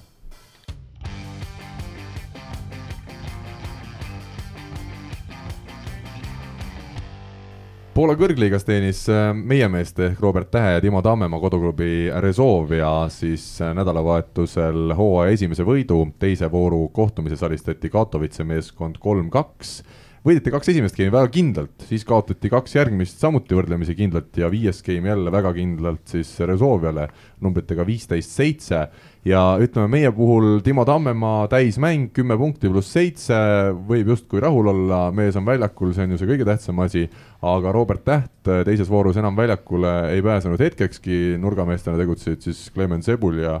ja Nicolas Žerzen, kuidas iganes jälle neid nimesid peab hääldama, aga mõlemad nurgamehed olid head, kaheksateist punkti mõlemad võistkonnale tõid ja, ja Tähte tundub, et ei olnudki põhjust väljakule panna, Rene, kas sina oled nüüd natukene kursis, mis äh, seisud ja, ja mõtted meie meestel seal Poolamaal hetkel on? no esiteks seesama mäng, millest hetkel juttu oli, ma oleks võinud tegelikult väga hästi seda analüüsida, aga ma vaatasin seda mängu täpselt niimoodi, et esimesed poolteist geimi vaatasin, nojah, siin ei ole vist, ei lähegi mänguks, et, et Rezovia kontrollib kindlalt ja, ja siis, kui kui ma igaks juhuks veel vaatasin skoori tund aega hiljem, siis vaatasin, mis toimub, et mäng ikka veel käib, et et see oli neljanda geimi lõpp ja siis oli selge, et see läheb Katowicele. ja siis vaatasin viiendat, kus jällegi nagu Rezov iseenesest domineeris, et mina nägin ainult seda, kus kõik oli hästi, kõik oli hästi jah, et et aga, aga jaa, noh, mis see Resolve ja selles mõttes, eks seal ikka see otsimine käib nagu, nagu arvata oli, et äh, seekord prooviti siis niipidi. et jah, Robbie ei sekkunud seekord, võib-olla järgmine kord, et, et äh, eks, eks neil ole selles mõttes, neil on raske, et neil on äh, ikkagi seal on uus, uus võistkond äh,, neil on äh, Poola koondise põhisidemängija Tšiska seal, kes mingis mõttes võib-olla küll annab mängijatele mingit teatud lisa enesekindlust, teisalt paneb ka mingit suret justkui nagu kogu võistkonnale peale, et, et noh, see mees ikkagi tavaliselt on harjunud võitma asju, et et, et aga, aga et võib-olla ongi see, neil hetkel kammitseb ka natuke, et äh, noh, Resolve klubi kui selline ise juba, seal on, seal on see surve paratamatult peal, et et võib-olla nad võiks ära unustada selle, et nad on Resolvia ja lihtsalt nagu ma ei tea, kas see on nii, aga see võib nii olla mingis mõttes kindlasti, et, et lihtsalt ajad oma asja ja, ja, ja nii-öelda samm korraga, et see on ikkagi võistkond, mida ma arvasin ka enne hooaja algust, et nende paremad mängud võiks jääda sinna teise ringi, sinna kevade poole, kus hakatakse nagu päris mänge mängima, et et selles mõttes hetkel ei ole jah, mõtet narveerida, et kas, ma ei tea, Timo täna mängib või Robbie täna mängib, et et see sats ja kogu see kupatus vajab seal nagunii aega, iseenesest peatreener äh, on, on neil ju korralik ja, ja ütleme, see on mingisugused vangerdused kui sellised on juba tehtud, et ta, ta selles mõttes alguses pani selle vurri päris kiiresti käima, kui asjad ei sujunud, aga siis ta nagu tundub, et on mõne, mõningad korrektuurid teinud, et kas või kas või selle Katowice vastu, et, et ta nagu ikkagi noh, lasi, lasi endal meestel kannatada, kui kõik ei sujunud, et et noh, see on selles mõttes, ma arvan, mõistlik käik, et, et need mehed selles mõttes peavad ka nagu tundma seda rasket nagu seisu, et see, see viib edasi ja, ja mingitel hetkedel on sellest kindlasti kasu, kui sa kui sa oled ka selle kannatuse nii-öelda poole läbi teinud, et, et äh, niimoodi on suhteliselt keeruline, keeruline asja ajada, et kui üks mees ei toimi, viskame uue sisse ja et et niimoodi, niimoodi jah, selles mõttes rallit on raske sõita, et aga, aga jah, ma arvan ikkagi, et neil on päris okei okay sats seal ja, ja ja see on ikkagi võistkond, mis ma loodan, et nagu äh, on ka jätkusuutlik järgmistel aastatel, mitte et võtame jälle kaksteist uut meest ja paneme uuesti asja püsti, et tegelikult võis, noh, on näha, et neil on olnud raskusi võistkondadega, kellel on see nagu süsteem aastast aastasse nagu liikunud või toiminud, et nad on oma rida nagu jätkanud, jah, seal üks-kaks-kolm mängijat võib-olla vahetub, aga see ei ole kogu süsteemi nagu laiali löönud, mulle tundub, et Resolve alles otsib oma nii-öelda seda süsteemi ja seda mängujoonist no Robbie on äh, natukene nii, nagu Rivo ütles siin selle pimedas toas oleva kena naisterahva kohta, et ta on äh, viimased aasta aega ju sinust varjus olnud, et pärast äh, Euroopa meistrivõistluste finaalturniiri eelmisel sügisel siis läks Perugiasse, seal sai väga vähe mänguaega, sel suvel me ta Eesti koondises mängimas ei näinud. kas sina, Rene, oskad öelda, mis seisus Robbie ise praegu on? ma arvan, et ta on väga heas seisus tegelikult, et äh, oli ju selge, et Perugias saab raske olema. oli ka teatud põhjustel raske kuna, kuna ütleme, teatud mehed seal ei suutnud, ütleme, tulid ka väiksemast klubist suurde klubisse, et noh, kus, kus, kus olid pinged ja kus olid nõudmised teistsugused, et kukuti ka nagu natuke kokku ja see nagu selles mõttes pani ka tema mängu ajal ju selgelt põntsu, et et tegelikult ju ka seal talvisel ajal, kui mängiti sõprusmänge peal Hatovi vastu, minu arust Robbie oli seal seitsekümmend protsenti, kui ta oma täismängu nagu sai kirja, et et ma tean seda nii-öelda omast käest, seda värki, et äh, ütleme, kui sa seal vahetusest või, või ütleme, mingit mängugi alustad üle kahe kuu näiteks, et äh, noh, väga-väga keeruline on äh, sealt mingit head nahka nagu toota, et sa noh, ma tean seda tunnet, kui sa lähed ja annad endast parima ja tahad täiega ja nii edasi, aga sul ei ole seda mängurütmi tegelikult ja, ja võib-olla ka kaaslaste usaldust sellist, kuna sa ei ole nendega igapäevaselt väljakul koos, et et, et jaa, me oleme siin põgusalt aeg-ajalt ikka rääkinud ja, ja ta selles mõttes on, on ka ise öelnud, et tegelikult tal on, tegelikult on hästi, et, et lihtsalt äh, tuleb olla kannatlik ilmselt siis tal ja, ja ka Eesti võrkpallisõpradel. no selle Resolve'i kohta ka, et äh, just Karlile ennem rääkisin ka sellest, et äh, et huvitaval kombel jah, et nad on olnud nagu ju pikalt nagu niisugune superklubi on ju, ja, ja ei ole viimastel aastatel võib-olla kõige paremini läinud, aga aga seda ma ütlen lihtsalt kuulajatele, et ei ole üldse hästi läinud, et see on ikka täitsa katastroof, eelmine hooaeg siis kolmeteistkümnes koht vist põhiturniiril meeskonnal, kellelt oodatakse tiitlit. just, et ja, ja aga sellest äh, mainest nagu ei lasta nagu kuidagi, kuidagi lahti ka, et nad peavad olema ja see, see surve sealt äh, nii-öelda klubis seest mängijatele on ikkagi suhteliselt jõhker, et ma ei tea, kuidas see aasta on, aga aga siin mõned aastad tagasi sai räägitud Elvis Krastinsiga, kes ütles, et tema ju läks sinna kui noh, niisugune viimane mees, kes sinna platsile väga pannakse, on ju, aga ütles, et talle tõmmati ka niisugune surve peale, et lihtsalt võib-olla eluks eneseks oli tal nagu tulevikuks oli tal nagu ütles, et jube hea õppetund, et mida nagu klubis võiakse teha. aga et, et isegi, et noh, neil ei olnud nagu variantigi, et neil oli suht juba siis niisugune imelik võistkond ja midagi ei toiminud, aga ikka nagu suruti peale, et nad peaksid olema noh, maailmameistrid enam-vähem, et, et see oli nagu ütles, et huvitav kogemus aga et seda Iga tehakse väga-väga toorelt ja, ja, ja niisugune vahepeal isegi ebainimlikult. vahele sõnumeid siis välismaalt, esimesed tiitlid on ka tulnud meil äh, koju kätte, Mart Naaber ja Teruel siis Hispaania superkarika võitsid, alistasid seal Javier Jimeneze äh, võistkonna Almeria ja, ja Mardil on nüüd siis superkarikas olemas, äh, loodame ja, ja, ja, ja usume, et Mardil see hooaeg tuleb hea, natuke Hispaania liiga muidugi tase minu jaoks nagu küsimärk on, et ega seal ju mingeid supermehi koos ei ole, aga, aga usute, loodate, et Mardi jaoks on see hea koht arenemiseks? ma ei tea, kuidas seal praegult on, võib-olla Rene oskab rohkem öelda, et ma ei usu, et see, seal nagu läksid need mingid,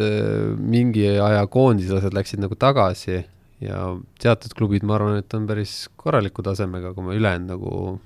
seda alumist poolt nagu ei oska kommenteerida, et et ma arvan, niisugune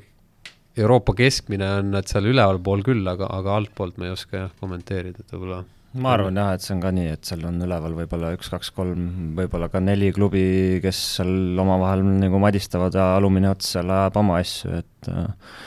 et ei, aga ma arvan küll, Mardil, miks mitte, jälle uus kogemus ja, ja ikkagi kuskil Euroopas, et Euroopale nii-öelda võib-olla lähemal mingis mõttes, et miks mitte, ma usun, et see karastab teda, näeb seda temperamentsemat poolt, et noh, vaikne Mart, kuigi nii, mitte nii väga vaikne enam, on ju, nüüd, nüüd ei saagi enam olla, sest nüüd ta on papa, on ju. palju õnne talle. palju õnne Mardile. ja et, et, et jaa, ma nüüd ei tea, kas nad eurosarja ka mängivad või ei mängi. ma ei ole kindel praegu ja see on üldse ju nii lahtine, et kes ja mis ja lõpuks seal eurosarjas saab, et ma ei ole isegi keskendunud, sest ma tahan näha enne, kui see oktoober kätte jõuab ja esimesed, esimesed mängud toimuma hakkavad, et et Pärnu purjetab niimoodi finaali veel. ja juba esimene ring on ju läbitud. Kuu aega enne esimese mängu on juba esimesest voorust edasi päästetud, kuna Soome hoiame piirid lahti ja võib-olla saame veel okei okay,, aga üks huvitav uudis viimasest nädalast ja kõige ootamatum võib-olla on see, et Mart Juhkemi kodusaal siis Friedrichshafeni meeskonnas äh, üks legendaarne hall, mis oli siis kuusteist aastat võõrustanud suuri mänge Saksamaa liigas, meistrite liigas, isegi Oliver Venno on seal võitnud tähtsaid tiitleid, pandi siis päevapealt sisuliselt kinni, öeldi, et ehituses on mingisugune viga, mille puhul ei olda kindlad, et see saal ka edasi püsib ilusasti püsti. Ja, ja nii jäi siis meie mees ilma kodusaalita. Rene, kas sina oled mänginud seal Friedrichshafeni koduareenal? jah, mina olen paar korda seal käinud, et ta on päris niisugune omapärane jah, selline, kui ma ei eksi, siis eh, valgustid tulevad kuskilt maa seest üldse seal lae peale kuidagi ja selline kuppel ja, ja aga, aga ütleme, koha peal seal vist on päris mugav neil, et see ongi põhimõtteliselt jah, võrkpallisaal, küll seal vist jah, mingid koolid käivad ka seal mingisugust kehalist kasvatust tegemas. seda vist kõrvalsaalides kuskil, ma saan aru, umbes nii? võimalik jah, aga, aga jaa, ei see on ikkagi jah, selline ainult võrkpall, sul on ütleme, aega nii palju, kui sa ise jaksad teha seal ja, ja selles mõttes noh, seal oli niisugune legendaarne treener nagu Mokolescu ja siis tuli veel Hainen peale, et seal on seal need tingimused on loodud lihtsalt eh, eelnevalt eh, juba eelnevate nii-öelda legendide poolt, et see on selline mõnus võrkpallimeka seal Saksamaal, et eh, et jah, väga huvitav, et, et selline otsus nüüd järsku, et no ma usun, et see saal oleks veel kakskümmend aastat rahulikult vastu pidanud, aga noh, kuna tegemist on Saksamaa täpsusega, siis see on seesama, et sarjast, et võimalik vaid Venemaal ainult siis selle Saksamaa versioonis, et mida Rivo peaks kindlasti rohkem teadma, võimalik Venemaal. Venemaal ei panda midagi kinni enne kui sealt midagi alla ei kuku kuskilt Venemaal..., siis, siis pannakse mingid mehed kinni, aga saal jääb ikka lahti. kas Venemaal koroona on, kas koroona on tulnud ma küsin vahele, kas äh, Venemaal usutakse, et koroona on ikkagi olemas ja ta tuli ja ta on olemas või see on väljamõeldis? ei teagi, mis seal usutakse või ei usuta. aga igatahes vaktsiin on olemas ja keegi isegi Eestis juba kommenteeris asjatundja, et seal isegi see vaktsiin on vist päris selline äh, asjalik, kuigi muidugi testimine vist käib nii, et kui mujal testitakse esmalt loomade peal ja siis inimeste peal, siis seal on Venemaal natuke vastupidi. et algul inimeste, siis loomade peal või? sa ei ole, kas sul ei olnud alaliit sinna seal rannavalla EM-iks mingeid medikamente kaasa, et näed, võta C-vitamiin mm? -mm. aga kuidagi elav oled sa küll, mulle tundub, et sa nagu midagi oleks. just on vaiksem minu meelest ma pole midagi saanud. vaikus enne tormi. kusjuures, kuna Rene mainis seda, et, et võrkpalli jaoks ainult on areen, ütle Andres näiteks, kui tähtis on see just see pool, et sul ongi saal täielikult ühe profiklubi jaoks olemas, et näiteks kui teil, Selveril, ma tean, et te seisate Audenteses seal kardina taga, ootate, kui kell saab null-null ja algab teetrenn ja kui poolteist tundi saab läbi või kaks tundi, kaua iganes teil on, siis te peate olema selleks hetkeks saalist läinud, sest järgmised tulevad peale, et kuivõrd tähtis on see näiteks individuaalsete oskuste parandamiseks, et sul ongi saal olemas enne vaba ja pärast trenni vaba? no meie jaoks, esiteks Audenteses me oleme ainult kaks korda nädalas ja ühe korra nagu vähe pikemalt, ühe korra suhteliselt lühike, on ju, et et äh, selline asi on ikkagi väga, väga vajalik või noh, ütleme niimoodi, et see oleks tohutu boonus meie jaoks, et praegult on ikkagi kahe saali vahel äh, ikka niisugune sõelumine, pallide vedamine ja kõik niisugune asi ka, et äh, Te veategi oma palle kaasa igaks treeniks või? jah, nii, nii ta kahjuks on, et et selliseid ressursse ei ole siin, et me ostame igast asjad mõlemasse saali valmis, et et see ei ole jah, kõige parem nagu viis, aga, aga midagi ei ole teha, et siin tuleb ka nagu oludega lihtsalt äh, kuidagi kohaneda, aga, aga noh, olen ise olnud sellistes saalides, kus see on olnud ainult nii-öelda enda võistkonna tarbeks võib-olla mingi, mingeid aegu jagatakse enne või pärast kellelegi teisele, aga sa saad ise rahulikult muuta ja see teeb tegelikult elu palju lihtsamaks ja, ja treenerile äh, kindlasti, sest äh, sa ei pea mõtlema, et ahah, kas mul täna on nii palju aega, kas mul on nii, sa saad ise vabalt valida ja ja kui hommikul tellib, tekib ikkagi tunne, et, äh, et järgmine hommik on mul vaja midagi teha ikkagi sidemängijatega, liberatega, mida iganes, et siis äh, siis sa lihtsalt võtad selle aja, mitte ei ole, et äh, ma nüüd otsin ühte, ühte saali ja me lähme proovime kuskil midagi, et äh, et kui sellise saali ära kaotad, siis on, ma arvan, veel valusam, et kui, kui sellise, kui juurde saad, et et kindlasti see on, see on väga, väga, väga suur boonus, kellel on ja mis siis äh, juurde öelda, et Oliver Venno võitis ka esimese tiitli, aga võitis ja ei võitnud ka, tähendab tiitli, mitte tiitli, vaid hõbemedali. liiga karikas siis Kataris mängiti välja, aga selgus, vaatasin, hakkasin vaatama seda Youtube'is isegi linkust vaadata seda mängu, et no ei ole seal ühtegi Venno moodi meest. ja, ja tuli välja, et ei olnudki, sest see liiga karikas mängitakse välja siis ainult kohalike mängijatega, selline tore reegel ja Kataris pidi olema neid jah, võistlusi erinevaid palju, et kõik saaksid ikkagi midagi näppude vahele ja ja koju minna kulda ja karda täis sedasi, et äh, Rene, ma ei tea, oled sa juba selle Katari liigaga jõudnud äh, tutvust teha või alles ootavad ees need põnevad lahingud seal? ma jah, tean nii palju mingisuguseid liikumisi, ma jälgisin küll jah, et Holkul peaks niisugune enam-vähem korralik äh, võistkond seal olema iseenesest, et seal on ka jah, neli võistkonda peaks olema enam-vähem, kes, kes seal nagu omavahel jälle asju hakkavad ajama, paberi peal võib-olla selline klubi nagu Alla Raabi tundub kõige, kõige tummisem Tšehhi koondise diagonaal Michal Finger ja, ja Bulgaaria koondislane Rosalind Bentšev, jah, neid on kaks tükki, et üks on Poolas, vanem vend on Poolas ja, ja ja teine on siis Kataris jah, et, et et Al-Arabi tundub mulle paberi peal hetkel jah, et ta võiks olla nagu siis favoriit, aga, aga no tõesti Kataris noh, Olku tuleb ja räägib ise siin kevadel, mis, mis siis toimus ja mida ta seal nägi. kindlasti palju huvitavat, see on selge. kindlasti aga võtame siis ette nädala tsitaadi, ma ei tea, kas meil see kujuneb iganädalaseks äh, harjumuseks või mitte, aga mulle meeldis väga see, mida Raivo Jeenas äh, täpselt nädal aega tagasi siis äh, pressikonverentsil ütles, kui sai räägitud tema naiskonnast ehk siis Võru naiskonnast ja uuritud, et kuidas on seal seisud ja et on kogenumaid mängijaid palju ja siis Raivo, ma loen selle tsitaadi ette, mis ta seal siis vastuseks ütles Toomas Varale, kes neid küsimusi esitas, et hea kolleeg Andrei Ojamets nimetas mind treener-arheoloogiks. mu kõrval istub Eveli Heliste, kes on üks vaatamisväärsus ja erand paljude teiste seas. kui tavaliselt riputatakse talismann kaela, sõrme või kuhugi keha külge, siis meie paneme ta platsile. meil on üks talismann veel, Mari-Liis Kaumann. noored pole veel sellise staatuseni jõudnud nagu treener ja mõned mängijad. mulle meeldis Raivo ütlus kuidagi talle omaselt selline natuke nalja seas ja,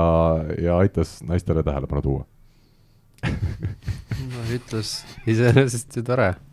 et me kõik Aga... võtame ju Raivot nii nagu ja me saame aru, et ta mõtleb heaga neid asju. jah, seda küll, et äh, lihtsalt nagu kurb tõdeda, et, et, et noored ei ole veel neid kohti siis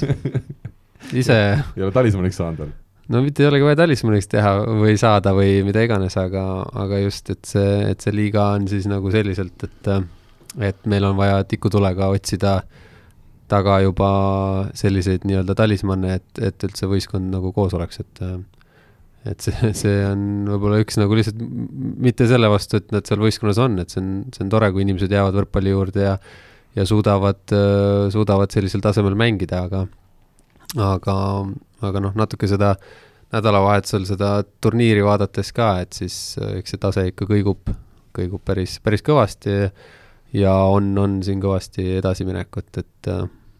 jah, rohkem ei oskagi öelda midagi. ja kui naiste võrkpallil juba hetkeks äh, teema läks, siis lühidalt lihtsalt ütleme ära, et Tallinna Tehnikaülikool korraldas siis äh, naistele väga kena turniiri, kolm päeva järjest mängiti Tallinna Tehnikaülikooli spordihoones ja veel suurel väljakul ka kaks viimast päeva, et, et naised, kõik meie viis siis klubi said korralikult omavahel madistada ja, ja neid väga väärtuslikke mänguminuteid ja Tallinna Tehnikaülikool siis lõpuks võitis oodatult selle turniiri, aga, aga edasi oli seal väga, väga põnev see teisest viienda kohani ja ja Audentese spordigümnaasiumit võiks esile tuua, kes, kelle noored tüdrukud mängisid hästi ja samamoodi siin näiteks Veiko Lemberi sugulane Tallinna Ülikoolist, vist viieteistaastane diagonaalründaja Noora Lember oli, oli hästi esinenud jah,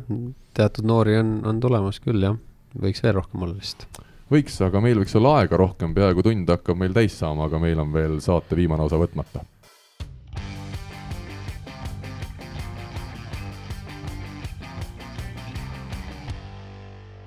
väga lihtne küsimus seekord meie kolmikule, Rivo muigab juba, sest tema saab siin kindlasti palju sõna sekka öelda, et kui palju tehakse erialast trenni positsioonide kaupa võrkpalliklubides? Ma eeldan, et Andres, me peame alustama sinust, sest sidemängija ikkagi saab väga palju sellist personaalset lähenemist. Jaa, sidemängija, ma arvan, et saab üks rohkemaid jah, liberoga ka, aga, aga sidemängija kindlasti, kindlasti kõige rohkem. et tulevad meelde siin sellised treeningud, kus, kus koondisega need algused just olid, kus siis tehti grupis trenne, et võeti nagu, aeti nii-öelda võistkond laiali, et igaüks saaks nagu võib-olla ütleme rohkem ja intensiivsemalt puuteid ja siis, siis see oligi niimoodi, et esimese grupiga alustasid siis sidemängijad ka ja siis, kui teine grupp tuli, siis nad võisid natukene pikema joogipausi teha ja siis said teise grupiga ka teha, et ja, ja kindlasti hommikuti need sellised vastuvõtjad äh, tulevad vastu võtma, teevad oma asju ja, ja siis sidemängijad saavad ka alati seal, seal tööd, et äh, ma arvan, see pool on nagu kindlasti kõige, kõige rohkem, kes, kes saavad äh, niisugust individuaalset lähenemist. küsime Rene käest sama küsimuse, palju diagonaalründajatele eraldi midagi tehakse, palju treenerid õpetavad teid, et näed, sina pead ühe pealt tulema ja nüüd tulema näitan sulle, kuidas ühe pealt ründamine tegelikult käib ja kuidas sa lööma peaksid? ma arvan, et otseselt äh, seda, kuidas sa lööma peaksid, seda nagu mingil määral võib-olla tõesti on tegelikult, et äh, Itaalias oli näiteks, äh, aga see sõltub ikkagi, ma arvan, päris palju peatreeneri nägemusest, ütleme, Itaalias oli idee ikkagi jõuline ja noh, täiega tuld idee, et, et talle meeldis, kui diagonaal oli selline ründaja, ka nurgaründajad tegelikult, et, et kõvasti latva ja, ja siis sealt edasi see pall lendaks kuskile taha seina, et, et selline jõuline teema, aga mis nagu üldiselt pigem võib-olla diagonaali puhul tänapäeval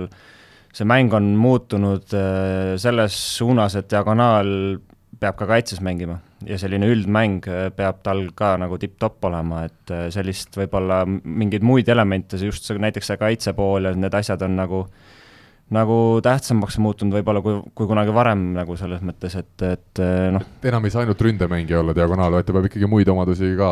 valdama. no just, et, et, et isegi tegelikult tempod, ma arvan, tänapäeval on päris kõvasti osavamad, kui olid kunagi võib-olla. Rivo omal ajal, jah me lihtsalt kukkusime pikali et Rivo on halb näide ilmselgelt, aga, aga, aga muidu, aga ja, ja no mis seal ikka, ongi, et ega Poolas mind korrigeeriti samamoodi tegelikult, et ähm, kui varasemalt äh, mu ütleme siis pealeminek oli platsist väljaspool, siis seal mind suruti nii, nagu raami, et, et sellel oli ka jällegi oma idee, et et ma pidin näiteks lööma jah, kaks kuud jutti piiri näiteks. selle asja point oli see, et äh, et kui mina löön piiri ja vastane teab, et diagonaal selles mõttes esimene optsioon on tal piiri lüüa, siis see tähendab seda, et et nurgaründaja ei saa keskelt liiga palju abi anda ja kuna see avab mängu, jah, ta avab mängu nagu tempodele rohkem, kuna meile jubedalt meeldis keskelt mängida tollel aastal, et et näiteks jah, niisugused, niisugused asjad, et aga, aga jah, otseselt noh, ma ei tea, kunagi jah, Tartu ajal Vassiga, siis kui ma hakkasin diagonaaliks, võib-olla me tegime tegime ka torbikuid, et pandi mulle mingid torbikud, et löön nüüd sinna ja löön nüüd tänna, aga noh, tänasel hetkel, hetkel nagu seda, seda asja jah, ei ole nii väga. ma mõtlen, et kas see vist sõltub sellest, kui sa mängid maailma tippklubis, siis sulle eeldat-, eeldatakse, et sul on asjad selged ja, ja sa tuled ja, sinna ja. nagu ennast realiseerima kui mängijat, aga kui sa oled näiteks Selveris tänasel päeval, Andres, sa võid tuua näiteid, kas teil, ütleme, nooremate meestega tehaksegi kohati veel sellist abc asju?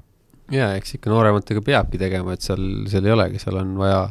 vaja ju neid korrigeerida ja, ja, ja see on igati loogiline, aga ega, ega selles mõttes see oleneb ka tegelikult väga palju treeneritest, et et ega kui isegi olen siin välismaal olnud, siis, siis ega päris tihti on niisugused treenerid, kes juba noh, eeldavad, et nemad panevad mingi mänguplaani võib-olla kokku ja ja need ütleme, mängupagas, mis sul on või tehnika, ega seda nagu kellelgi ei ole aega ega tahtmist seal enam parandada, et seal võetakse see maksimum, mis sul on ja et siin võib-olla Eestis meil ongi võib-olla niisugune võib-olla väike niisugune, ütleme, isegi boonus siin osade treeneritega, kes, kes viitsivad ja tahavad sellega tööd teha ja, ja noh, peavadki, sest noh, selge on see, et ähm, siin on, siin on ka see, et nooremad mehed võiksid või peaksid välja saama. Ja, ja seal enam ei ole aega midagi, midagi korrigeerida, et võib-olla jah, nagu Rene ütles, et siis sellisel juhul tulevadki siuksed võib-olla istud võib-olla pingi peal rohkem, aga, aga peksadki kaks kuud piiri, on ju, ja, ja võib-olla siis saad mängu, et noh, see on, see on niisugune koht, et ega väga, väga vist eriti mängija ei tahaks niimoodi minna Rivo, kas sinul rannavõrkpallist on mingeid spetsiaalseid näiteid või meenutusi, et kui te Kristjaniga mängisite, siis sina pidid äh, spetsialiseeruma millelegi rohkem ja tema pidi millelegi rohkem äh, spetsialiseeruma? ei, rannavõrkpallis on plokk ja kaitse, on ju, mis on üldiselt, üks on plokimängija, teine kaitsemängija, aga aga mina pigem võtaksin praegu selle saali võrkpalli korra veel ette, et üks asi, mida hästi palju tegelikult, vähemalt siis, kui meie meelest on serv mida päris palju nagu treenitakse ja mida päris palju suunatakse erinevate mängijate puhul, aidatakse. Äh, ja, ja kogu selle jutu kokkuvõtteks siin äh, Andres ja Rene rääkisid väga tarka juttu ja, ja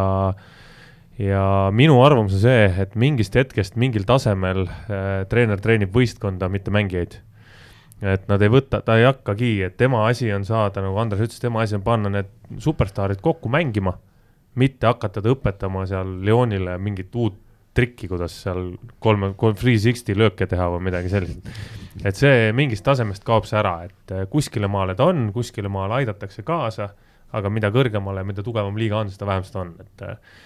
et sa pead ikkagi treenima võistkonda, mitte õpetama erinevaid mängijaid mängima, et selleks lihtsalt ei ole aega. Selle jätkuks veel lõpetan veel mingi mõtteteraga, et see Netflixis on selline uus huvitav äh, seriaal, mingisugune playbook, kus äh, maailma tipptreenerid äh, on tehtud selline seriaal, viieosaline hetkel, kus, kus samamoodi üks, üks tegelasi on Jose Murillo, kellega tehti, kellega tehti ka see kolmekümne viie minutiline klipp, kus ta ütles samamoodi, et äh, ta ei tule siin Ronaldole õpetama, kuidas karistuslööki lüüa tuleb, et tema õpetab Ronaldole, kuidas mängida mängijana täpselt selles meeskonnas, kus sa parasjagu oled, et, et jah, lihtsalt lõpetuseks. ma olen Murinoga targad poisid, nagu ma aru saan. Äh, sina ja Murino? jah, Jose Kas..., ma, mina kutsun seda Jose'ks minu Jose. see oli sinu pealt maha fiksitud, jah ei, ma ei tea, kust see tuli, minul tuli see teie jutust praegu, kus tema selle Aga sai, ilmselt, ise... ilmselt tema teadis seda ennem, jah. selles jo... mõttes õige, sa juhtisid õigele kohale tähelepanu, see serv, et see on, see on see individuaalala, et see, see, sellega, see jäi ütlematagi, et, et, et sellega tehakse, võib-olla nüüd ei ole nii, et äh, kutsume kaks meest äh, trenni ja teeme nagu võib-olla sidemängijatega, aga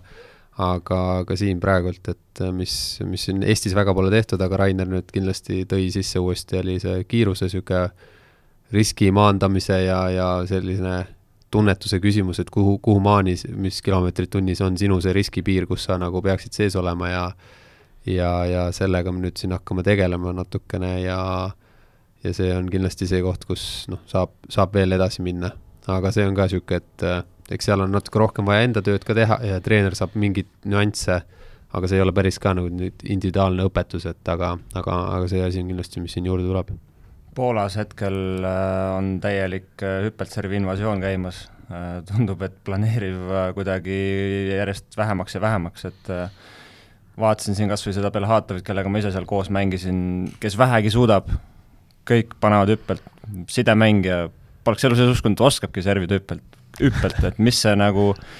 mis see nagu idee täpselt on, ju, ju seal on mingid numbrid. seal on üks asi on see, et äh, see pall ei planeeri enam nii palju ja, ja pall on Aa, äh, pall. väga hea, ma just tahtsin küsida selle uue palli kohta. jah, see pall on see, et äh,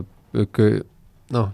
hüpeld- või selle planeeriva serviga siin Rainer just tõi välja, et see vist oli niisugune paar kilomeetrit tunnis igal juhul see kiirus langeb ja see on nii palju ikkagi lihtsam, et et mis, miks siin ju tegelikult ka Gert nüüd ja, ja siin mõned mehed veel hakkavad minema planeeriva pealt hübriidi peale üle ja nii edasi, et see on, see on ka te, seotud sellest pallist, et see see on, see on väga, see kusjuures see on väga huvitav teema selles suhtes, kui palju tegelikult muudab äh, Äh, muudab seesama, millest me ennem rääkisime, raha võrkpallimängu.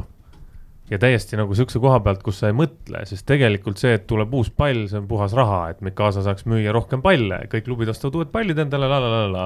ja tahetakse teha mingit teist disaini, et see teine disain juba muudab selle mängu tegelikult äh,, äh mängu siis kus, aita mul öelda. Äh, nii, no mängustiili, noh, mäng, põhimõtteliselt mängustiili jah, et see kaob ära, planeeriv serv mitte ei kao ära, vaid läheb vähemaks, kuna selle palliga lihtsalt on raskem lüüa planeerivat servi. ja seda, seda võibki ju tegelikult, ma ei tea, kas Rene võib-olla täheldas seda ka Prantsusmaal, ma ei tea, kui te selle Molteniga mängisite seal, kas seal oli ka, no selles mõttes seal ei olnudki va- varianti vist seal planeeriva serviga enam midagi teha, et seal oli, see on niisugune noh, nagu nad naeravad, et pombaserv ainult, et noh, et see nagu täiega lööd ja siis ta kukub ära, aga planeeriva lööd üle, siis see on niisugune noh, see on nagu see on väga huvitav teema. aga kas Mikasa siis see uus pall, ma olen ka mänginud sellega, mulle tundus, et väga suurt vahet ei ole, aga kas kokkuvõttes mulle praegu tundub, et ta on natuke raskem või? seepärast ta on kergelt raskem. ta on kui niisugune jah, niisugune ja ta näeb välja nagu jalgpall selles mõttes tahkude järgi tegelikult. sellepärast ma mängin jalaga hästi palju kaitses mm.. vanast harjumusest. aga palju on üldse erinevaid palle, millega maailmas mängitakse? äh,. Mikasa on ju, Molten ja siis on Molten. USA-s on minu arust Kala. ülikoolis, Kala on Tšehhis, eks ju. Tšehhis, jah. aga, Koreas on mingisugune oma pall. aga on ju USA-s on ülikoolis hoopis teistsugune, minu arust seal ei mingi ole. sinise-punasega mingi asi on. Wilson. Wilsonil on ka kindlasti pall, rannas on kindlasti. rannas on jah, USA mängib Wilson Ma arvan, et, rannas, aga ongi nii jah? jah, aga kui erinev see on sellest äh, Mikasast, mida me minu oleme meelest Belgia või keegi mängis ka mingi täitsa teistsuguse palli Jaa.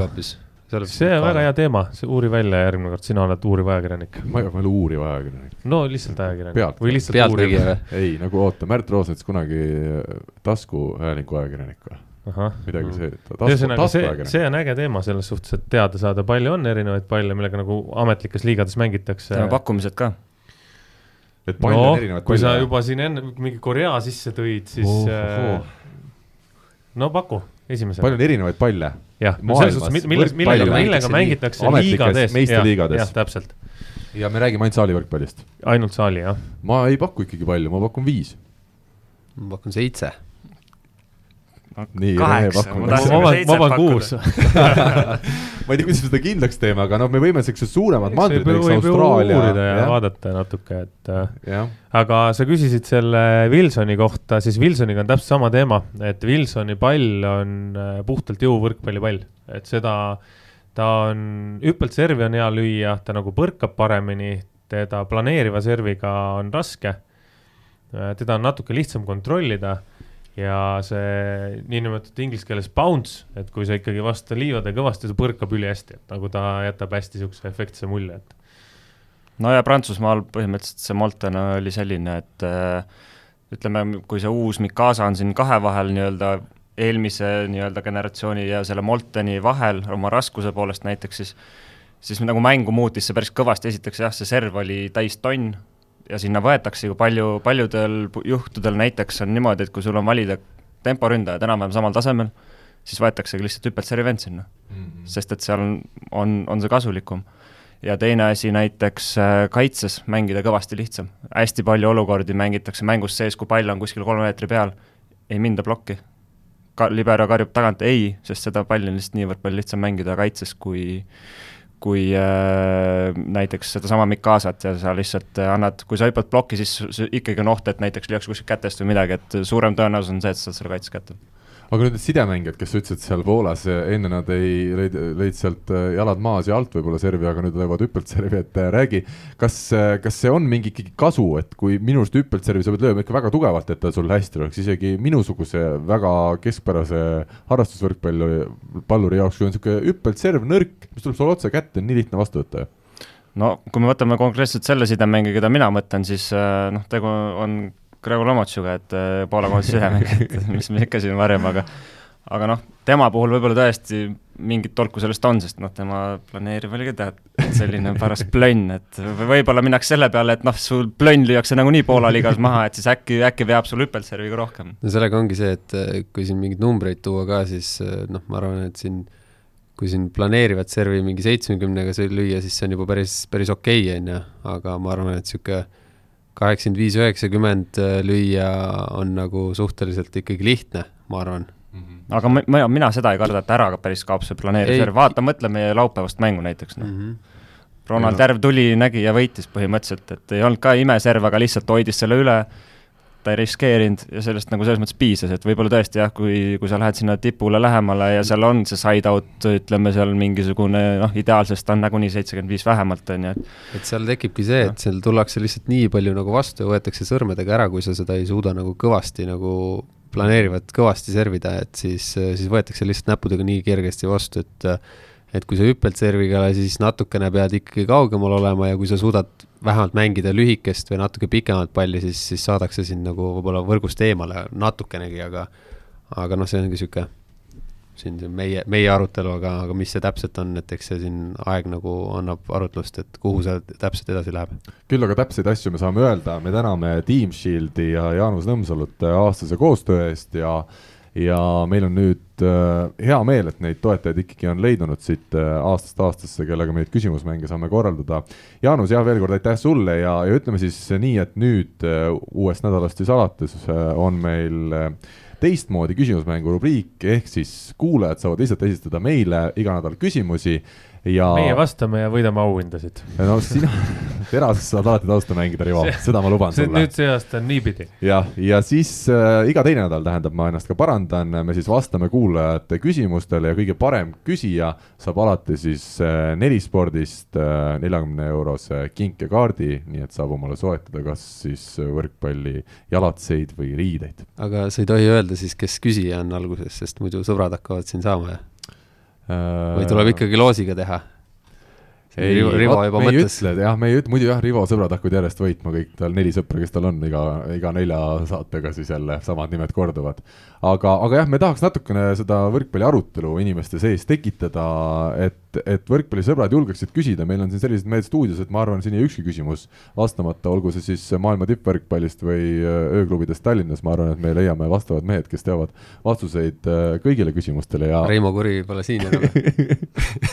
Küll me Reimogi tagasi toome, kui talle spetsiaalsed küsimused hakkavad tulema, igatahes ootame siis küsimusi. Info, et võrkpalli kakskümmend neli punkt ee, võrkpalli kahekümne nelja Facebookile sõnumitesse. Või kirjutage meile kas või eraldi Messengerisse, sest Rivo, sa ju loed neid Messengeri ikkagi hea meelega alati ja ikka loen jah,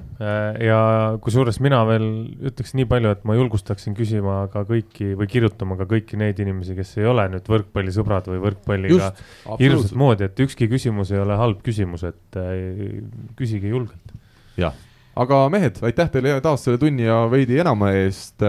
oleme taas kuulajate ees täpselt nädala pärast. olge mõnusad ja jälgige ikka võrkpalli. aitäh. aitäh. Eesti kõige põnevamad podcastid on Delfis, kuula tasku.delfi.ee. Mikk-Mikk. ega edu pole jänes, mis seest ära jookseb, ärid on edukad Hammerheadi majades